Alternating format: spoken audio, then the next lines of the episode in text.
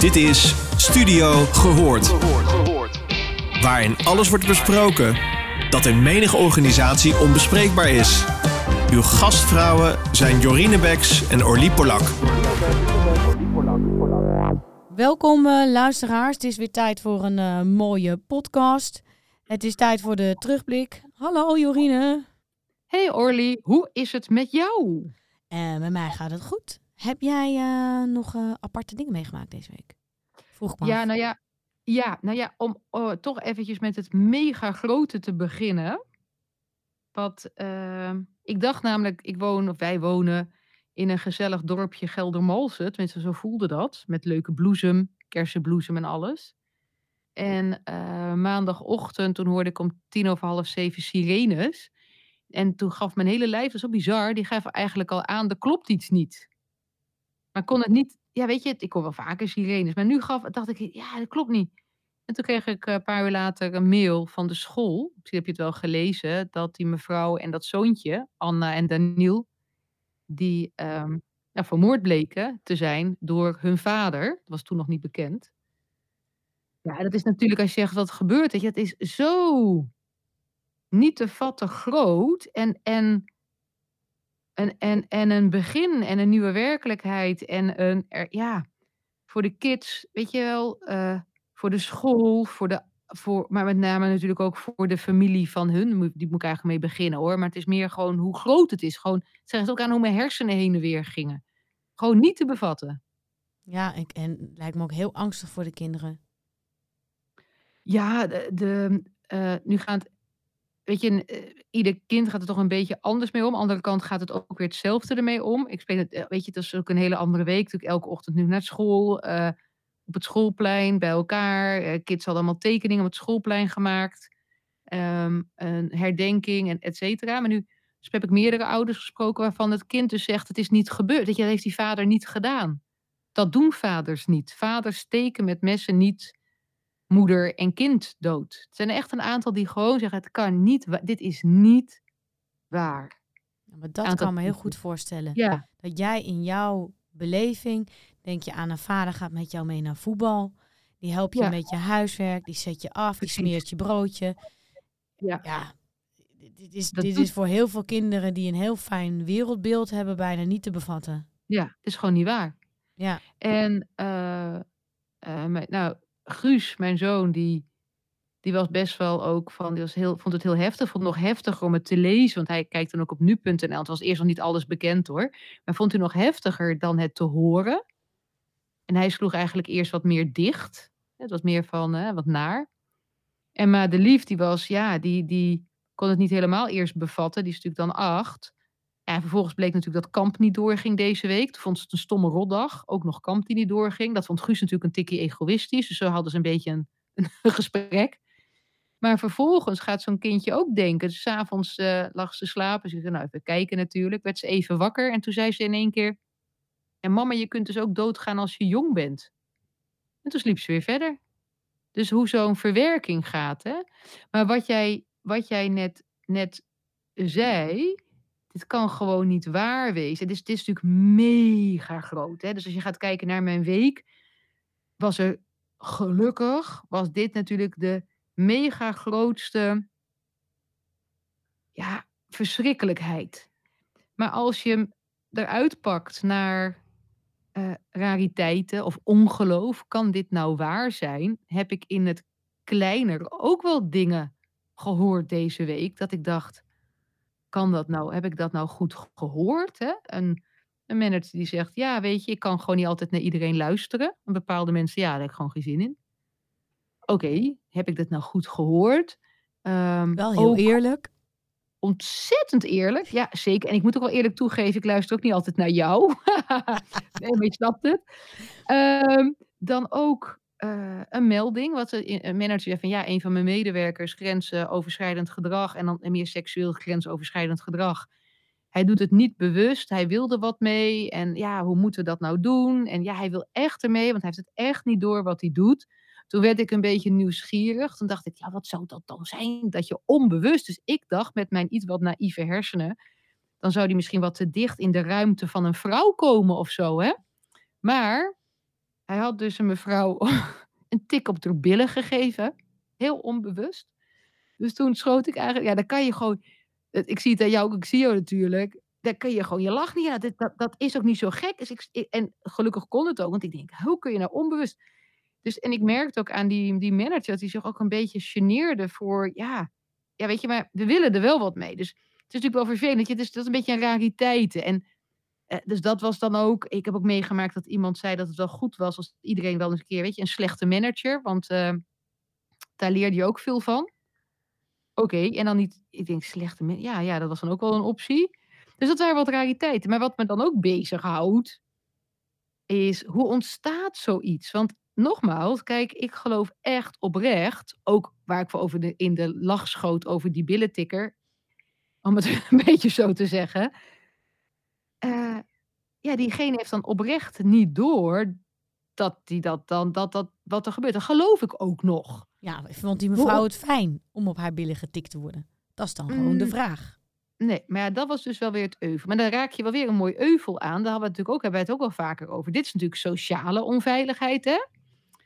Maar die mevrouw in kwestie, die had het uiteindelijk dan wel gemeld. Nadat ze had gehoord dat er meer incidenten waren geweest van collega's. Dus maar haar bil was niet de enige bil? nee, of heup. Iemand had ook iemand had die iemand aan de heupen vastgepakt, werd ook niet gewaardeerd. Maar zeg je er wat van in het moment? Kijk, en dan zit je meer ook aan die psychologische veiligheid. En dat is nu wel waar ik heel veel mee bezig ben, is dat ik ook wel betrokken word bij uh, rapportages vanuit vertrouwenspersonen wat heel veel gaat, die dan die, die meldingen dan gelukkig wel worden gedaan, die echt gaan over sociale onveiligheid. Oké, dan kunnen we heel goed een pestprotocol opstellen of zo, of een meldprocedure of een proces, of ze vind, weten ons in ieder geval te vinden. Maar hoe voorkomen we dat dan en hoe gaan we dat nou zo doen? Dus, nou ja, en zo was eigenlijk mijn week. En jij, nou, vanochtend hadden we echt een super, vond ik tenminste, jij ook geloof ik, mooi ja, gewoon een supermooi dialoog, leerzaam, mooi. Ja, het was niet mooi, indrukwekkend gesprek met allemaal feiten uh, van Caroline Koetseruiter. Ja, ja. En wat ik een beetje zie, ik word dan uh, inderdaad wat vaker gebeld voor PSA en sociale veiligheid. Maar soms denk je van ja, dit, dit zijn eigenlijk ook gewoon een ongewenste cultuur. Het gaat meer over dat jij als leider niet tegen je mensen kan schreeuwen. Je, weet je, je, kan niet tegen mensen schreeuwen, je kan mensen niet uh, uitkafferen, je kan mensen niet onder druk zetten. Um, en leiders die gewoon zeggen, ja, uh, je bent inderdaad de laatste in de bila, wat je net even voor het gesprekje ook vertelde. Ja, en dan verwachten dat mensen nog zin hebben om te werken. Ik had de leider, overigens ook een goed voorbeeld, die had tegen de medewerker gezegd, die zei van, ja, je hebt nu mijn hele werk uit, ge, uh, gewerkt. Dat je per stap wat ik moet doen. Zeg maar, als je gewoon zegt wat je wil hebben. En om welke met welke kaders, dan kan ik prima zelf aan de slag hoor. Je hoeft het niet helemaal zo voor me uit te werken. Ja, had die manager gezegd, ja, maar jij wil nou wel heel veel autonomie. en dan, dan, moest ik ook om. Dus ik zeg maar, waarom gaat hij dan hoogopgeleid personeel aannemen? Ja. Met heel veel ervaring. Ja, zegt dat is het profiel wat hij graag wil. Maar hij, was dus letterlijk bijna. En nu mag je naar de printer. Dat stond gewoon in het proces. aan iemand die uh, zeer vakbekwaam is aan het vertellen. Ja, en die moest er toch niet om grinniken. Die vond het eigenlijk niet leuk. Ja, ik moest lachen. Ik denk, oké, wat voor een effort stop je er dan in? Om te zorgen dat je bepaalde kwaliteit krijgt. Is ook een beetje gebrek aan vertrouwen. Ja, ja, zeker. Dat niveau gaat lopen. Ja. Ja, vertrouwen is goed, controleren is beter. Nee, maar wat ook al, kijk, ik, ik begon met alles aan de ene kant, hè, en dan kun je ook helemaal uitzoomen. En wat we ook hebben gehoord vanochtend van Carolien over hoe zit dat in de maatschappij. En um, trouwens, als je wat gesnurk hoort, ik heb de hond hier liggen. Dus mocht iemand denken, ik hoor een snurk, ik ben het niet. Orly ook niet, het is een hond. Knikken. Die ga ik er niet uit uitmonteren, is te veel werk. Daarom zeg ik het. Ik had hem een setje gegeven. Die hoeft er niet uit. Daarom benoem ik het expliciet. Kan de luisteraar mag je gewoon erin laten. Dat de luisteraar hoort dat ik dat zeg. Maar um, kijk, ook wat betreft uh, Carolien, de feiten die ze aangaf, et cetera, dat is aan de ene kant. Hè, dus dat is aan de ene kant wat ik allemaal heb meegemaakt. De andere kant is dat ik ook heb meegemaakt ook hoe de beweging ontstaat. Dus ook weer deze week, ook hele mooie voorbeelden van een CEO die zei: Ja, Jorine, en ik heb eh, het boek van Amy Edmondson besteld en aan het lezen. Ik wil zo graag begrijpen, maar ook bewust zijn wat het nou is en wat ik kan doen. Dus wat ik nou ook doe, is veel actiever vragen. En ook als ik iets voorbij zie komen via, wat is het, Jammer of zo? Ze hebben van die... eh, Ja, Jammer, interne. Twitter. Ja, ja had, had iemand ook, zo- die CEO, die is gewoon echt de CEO, die zei, ja, ik zag dingen, denk ik, oh, wat is hier aan de hand? En dan ga ik ook die mensen ook persoonlijk opzoeken. En uiteindelijk in een wat kleiner groepje het bespreekbaar gemaakt. En dat vind ik wel heel spannend, maar ik, ik heb toch het idee van, ja, weet je, dan krijg je die beweging. Ik kan niet alles bewegen, een hele grote organisatie. Weet je, een enorme, laat ik maar zeggen, olifant. Maar ja, hoe eet je een olifant? Hapje voor hapje. En waar heb ik invloed op? Dus dan heb je eigenlijk die verschillende cirkels, de maatschappij. Dat zijn ook wij, maar toch de maatschappij. Hè? Voorbeeldgedrag vanuit Den Haag. Als die mogen schreeuwen, waarom zou ik het niet mogen? Dat, dat stuk, die verharding. Organisaties, dan weer die teams in de organisaties. En dan ieder individu. En dus dat, dat geeft me nog dan elke keer wel weer een bepaalde ehm, hoop. Dat is het. Ik zag even welk woord ik daarvoor zou eh, gebruiken. Ja, wat ik ja. mooi vond aan het verhaal van vanochtend van eh, Caroline Koetsenruiter, is dat ehm, wij in de samenleving zijn veranderd. We hebben eigenlijk ongewenste omgangsvormen ook naar onze publieke dienstverleners. Ik vind het gewoon bizar dat wij zorgverleners uitschelden, eh, leraren uitschelden, spugen op politiemannen. Eh, ik kan daar tramchauffeurs aan toevoegen, dat is een klant van mij. Ehm, Ja. Ja, we gaan gewoon niet netjes met elkaar om. En er inderdaad is er een soort normvervaging. En de politiek speelt daar zeker een rol bij. Het is gewoon gênant hoe ook weer het laatste debat over de belastingaffaire, de toeslagaffaire weer verliep. Waarbij je gewoon niet de dialoog aangaat met de mensen op de tribune. Dat je niet openstelt voor vragen. En je dan ook nog verwonderen, dat stond ook in de krant. Ja, ik heb een inschattingsfout gemaakt. Ik had niet verwacht dat mensen dit niet als prettig zouden ervaren. Nee, wat, waar, waar denk je zelf? Er is een enorme drama gecreëerd door een overheid. Er zijn 1700 kinderen uit huis geplaatst. En jij bent, je gaat je maiden speech houden, zodat mensen jou geen kritische vragen kunnen stellen. Ik vond Ja. dat, dat vond ik nou een teken van psychologische onveiligheid.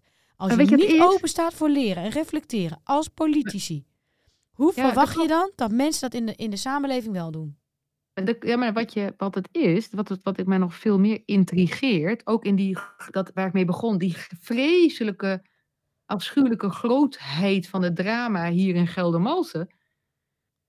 Hoe komt het dat iemand doet wat hij doet en in het moment ook nog denkt dat het klopt of dat perspectief? En dat was gisteren ook, nou, weet je, in, in een se- sessie dan, dat ehm, hoe mensen vastzitten in hun eigen perspectief, hun eigen bubbel. Volgens mij hebben we het de vorige keer ook over gehad, weet je, de zeven vinkjes. Dat als, jij, als dat het enige referentiekader is, ja, dat, dat is dan dus waar iemand staat. En wat natuurlijk de next step is, is ehm, die bewustwording en het erkennen dat je daarin zit. En ik merk gelukkig zo af en toe om me heen eh, ook nog weer een andere ehm, CEO van een bedrijf. eh, het was een hartstikke leuk bedrijf, die hele lekkere dingen maken in de Benelux.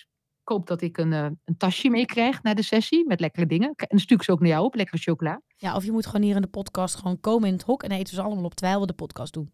Ja, lekker. Oh, heerlijke dingen. Ik, heb, ik, ik hoop echt dat ik, ja, dat, daar hoop ik, maar dat is even een uitstapje. Iedereen wil nu weten welke chocoladeproducent het is. Ik heb er nu wel een beeld bij. Ja, want nou, hij maakt nog veel meer. Hebben, hebben ze ook zout en karamel toevallig? Eh, ze hebben ook, eh, ook eh, zoute koekjes, et cetera. Oh, lekker. Niet Oké. alleen maar chocolate. Nee. Maar in ieder geval, die ook heel erg bewust ermee bezig. Dat hij zegt, ja, weet je, dus die wil ook stappen zetten. Dus dat, dat maak ik dan ook wel mee. Maar, maar dus het ingewikkelde is, en dat is wat, hè, alle stappen die ik altijd zeg, is uitnodigen. Uitnodigen tot bewustwording, uitnodigen. En soms moet je iemand wel 50 keer uitnodigen om tot herkennen te komen. En hoe komt dat? Dus als je wat te verliezen hebt, ja, waarom zou je dan gaan herkennen? Dat is misschien bijna een oerdrift om het gevaar te mijden. Dat is misschien een onbewust systeem. Weet je, natuurlijk die fight, flight, freeze, maar daar heb ik nog niet eens over. Het is gewoon een soort risicomijdend gedrag, wat ik veel zie. op alle mogelijke momenten en situaties en plekken om ja, te blijven doen wat je deed. En empathie, even heel uh, gechargeerd, hè? Van uh, ja, mijn deur staat altijd open. Uh, als ik iets fout doe, kan je me aanspreken. Um, tralalala. Maar je had net een leider, noem je in jouw sessie, die zegt: Het interesseert me eigenlijk niet. Nee. En hoe belangrijk is empathie dan niet? Voor Ja. de ander. Maar, ja, maar wat grappig is, dat was natuurlijk mijn nieuwsgierigheid ook. Ik wil dan begrijpen, waar komt dat dan vandaan? Eh, maar als je dan de toelichting hoort, dan is het recht praten. Dus dat is niet, ja, hij zegt, ja, het klinkt misschien een beetje als een beetje dat je denkt, wat een klootzak. Maar ja, heb jij dat dan nooit? Dat je op een gegeven moment even je hoofd vol zit en dat je er gewoon helemaal geen aandacht meer bij kan hebben? Heb jij dan dan nooit dat je iemand denkt van, ja, die vind ik eigenlijk helemaal niet zo leuk? En, en daar haalt iemand het recht vandaan om zo te handelen. Dus er is dan wel een bepaalde bewustzijn van wat iemand doet. Dus wat ik van, van empathie zo intrigerend vind, en misschien dat ik het compleet verkeerd toepas, maar dus je kunt heel empathisch zijn voor soortgenoten. Dus, en met soortgenoten bedoel ik hem heel breed, hè? Dus Ja. gewoon. eh, of Ja, mensen die op, je, die op jou lijken, je spiegelbeeld. heel empathisch. Goh, jee, maar dan voel je het ook. Want je denkt, ja, zo ben ik ook als mij dat zou overkomen. Mijn hemeltje. En je dus dan inleven in het perspectief van die ander. Dat is wel even anders stretchen. Ja. Maar ik weet nou niet, ik weet niet hoe jij dan kijkt. Is dat nou, ik bedenk ik hardop, ik ga dus even uitzoeken. Inlevingsvermogen en empathie. Is Ja, maar ik nou denk dat wel meer mensen dat hebben gezegd. Dus dat jij je makkelijker identificeert met iemand die op jou lijkt. Dat je daar makkelijke empathische gevoelens bij kan hebben. Maar de vraag is gewoon eigenlijk, hoe belangrijk is empathie voor de ontwikkeling van psychologische veiligheid? Moet ik oprecht een bewuste interesse hebben in de ander? Om tegen de ander te zeggen, joh, oh, jij vindt dat ik jou micromanage? Geen probleem. Je hebt je gelijk in. Dat gaan we anders doen. Of Nou, dat je zegt ja. tegen de ander, ehm, ja, eh, kunnen we de, de bila eh, lekker buiten doen? Want ik ben een beetje moe. Het is einde van de dag. Ik heb wel zin om buiten gewoon gezellig in het zonnetje met je te zitten. Dan is mijn Ja. bila wat leuker. Maar wat jij zegt, dat is natuurlijk, hè. Kijk, ehm, psychologische veiligheid, dat bouw je juist natuurlijk door en aandacht voor zowel de ander als jezelf, maar ook dus aandacht voor je eigen emoties, aandacht voor het thema, aandacht weten hoe het werkt, weet je, is eentje.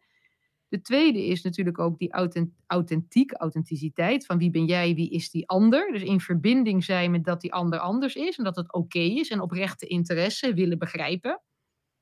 En de derde is actief. Hè? Je bouwt het niet, zeg ik altijd, tussen de soep en de aardappelen. Dus dat je nou terecht zegt is, welk leiderschap, we hebben het vorige week ook over gehad, is nou nodig? En die is op zich wel helder, maar, maar of en, maar, of, hoe kom je daar? Want weten hoe, dat, dat je weet hoe het werkt, wil niet zeggen dat je het werkend kunt krijgen. En waar loop je nou tegenaan? En waar ik nu deze week al een paar keer tegenaan ben gelopen, is hoe krijg je nou iemand vanuit een perspectief wat mega in beton gegoten is, eh, wat ook nog een kern van waarheid heeft, waardoor het ook dus nog niet eens zo heel ridicuul is als je in hem inleeft. Het is tot nu toe heel vaak hem geweest, maar dat kan natuurlijk ook haar zijn. Ehm, hoe krijg je die zover om dat, zeg maar, uitnodigen, uitnodigen tot herkennen wat er gebeurt en dan te erkennen dat daar invloed is? Dat is de, ehm, Ja. dat is natuurlijk de vraag. En, en, die, en dat is denk ik het grootste vraagstuk in het creëren van die psychologische veiligheid en dan dus het management. Want ik heb nu ook organisaties, daar heb ik een webinar gedaan eh, voor de hele goede gemeente. Nou, er zit dan zo'n eh, raad van bestuur of zo niet bij. En dat waren echt leuke webinars, open. eh, ook in de breakout rooms, de opdracht, dat ik echt dacht, die willen echt, die willen echt aan de bak met het thema, ook hun eigen verantwoordelijkheid. Maar dan heb je heel die toplaag. En dan denk je, jemig, de pemig, dat die... Ja, ja, ik begrijp het euvel wel. Maar ik denk ook dat we gedwongen nu worden. Ten eerste, nou, die Caroline eh Koetsenruiter, die eh, constateert dat we onprettige omgangsvormen hebben. We staan op nummer 1. we doen het eigenlijk het slechtste in heel Europa. Deze podcast gaat verschijnen binnenkort. Waanzinnig interessant om naar te luisteren. Maar ook dat wij beroepsmatig daardoor zijn veranderd. We voelen ons gehinderd in het uitvoeren van ons vak. Eh, we nemen eh, beslissingen die eh, op minder weerstand gaan stuiten. We hebben zelf misschien een wat korter lontje, wat ook wel weer logisch is, want dat verklaart waarom ze zo aan het stijgen zijn in ongewenste omgangsvormen. Maar aan de andere kant hebben we ook een hele grote groep, dat zie je in het, de MeToo die wij nu doormaken in Nederland en in de discussies, die zegt ja, maar ik heb gewoon recht op een prettige werkomgeving. Dat geldt ook voor die docent, het geldt ook voor de politieagent, het geldt ook voor de, voor de verpleegkundige. En die wil gewoon een psychologisch en sociaal veilige werkomgeving. En als die het niet kan krijgen, dan gaat hij wel ergens anders werken. En dat is ook wel misschien je stok achter de deur. Dat je tegen leiders en voor organisaties moet zeggen: joh, je moet hier echt mee aan de slag. Je hebt anders gewoon geen mensen die nog voor je willen werken. Mensen doen het niet alleen maar voor nog. het geld. Maar dan nog, dan nog, dan nog. En daar was, dit was deze week. Dan nog, ik heb de business case. Hè? Ik heb, eh, als je het niet doet vanwege het feit dat mensen wegrennen, doe het dan dat mensen blij zijn. En, en medewerkers die zich veilig voelen, die komen tot ontwikkeling en innovatie. Ik heb de hele casus, zeg maar. En dan nog loop ik dan deze week ook tegen mensen aan, waarvan ik denk, ik moet oppassen dat ik van uitnodigen niet doorschiet naar overtuigen. Want, want uiteindelijk heb je hier intrinsiek moeten voor nodig. Oftewel dat je het van jezelf wil vanuit je kleine teen. Want aan de ene kant is het creëren van psychologische veiligheid appeltje eitje. Want iedereen kan het in de basis, in een sociale setting. En aan de andere kant moet je het dus dan wel dus doen. En daar is weer wat anders voor nodig. Dus ik had deze week ook een heel leuk gesprek met Jackie Bresci. Van het boek Authentiek Zelfvertrouwen, onder andere over de, eh, wat is dan nodig en hoe zit dat met emotionele flexibiliteit en zelfvertrouwen. Want om psychologische veiligheid te creëren, moet je risico durven lopen. En, dat en in, het valt mij op dat wij, dat is natuurlijk altijd wel, maar dat is ook wel iets wat ik nou eh, ga meedoen met zo'n onderzoek landelijk. In hoeverre wij ook risicomijdend zijn in Nederland. En is het nou typerend voor een bepaalde branche of hebben we dat overal? En dus, want, want als je wat gaat zeggen, wat anders is, en je hebt het over speak up, ja, wat gebeurt er dan? Dan ben je de controle kwijt. Dus dan zit eigenlijk ook wat jij zei net over die manager die alles uitschrijft. En de spagaat, hè, wat is super mooi. Weet je, jij wil autonomie. Dus als jij autonomie wil, krijg je van mij een complete handleiding. Nee, ik wil de kaders. Weet je, wat is het wat en wat is het hoe? En ehm, dus ja, dat, dat is denk ik een beetje de waar beetje zoekend eind waar we dan nu staan. Met het goede nieuws. Dat we weer een puzzelstukje aan het ontdekken zijn. Is in welke mate beïnvloedt onze risicomijdende gedrag eh, de stimulering van psychologische veiligheid. Daar gaan Ja. wij op door, luisteraars. Ja, en wat ik dan wel leuk vind, is dat mensen dus er ook al wel zijn. Dus zijn er niet gewoon best practices? En ik had dan afgelopen zaterdag dat event, die voetbal, of nou niet voetbal, sport-event, over alle mogelijke ellende in de sportwereld en sociale onveiligheid. En uiteindelijk zeiden we, we gaan een volgende sessie, ont, eh, eh, inspiratie gebeuren, middag organiseren. En dan gaan we best practices delen van wat werkt er nou wel. Een kleine stiekeme oproep voor de luisteraar. Dus als je wat hebt, vooral laten weten. Ga je nog wat leuks doen van het weekend? Ja, het wordt heel lekker weer. Ik heb eh, veel eh, sociale events met veel eten en gezelligheid. Heerlijk. En ik dacht eh, zondag de duinen in te gaan. Het wordt echt Oh? bloedmooi weer, 24 graden. Ja, 24, 25 graden. Ja, ik had ook gehoord. Ik ga ook lekker genieten van het weer. En was nou het Songfestival dit weekend? Ja, zaterdag. Ja, staat mee. Dus in één keer, in één keer denk ik, moet ik, daar, nou, moet ik daar wat mee? Nee, daar moet ik helemaal niks mee, toch? Nee, ik denk dat ik gewoon spelletjes ga spelen, ga barbecuen. nee. Oké, fijn weekend. Goed weekend, doeg! Je luisterde naar Studio Gehoord. Vond je dit een leuke podcast? Laat dan een review achter bij jouw favoriete podcastplatform. Tot de volgende!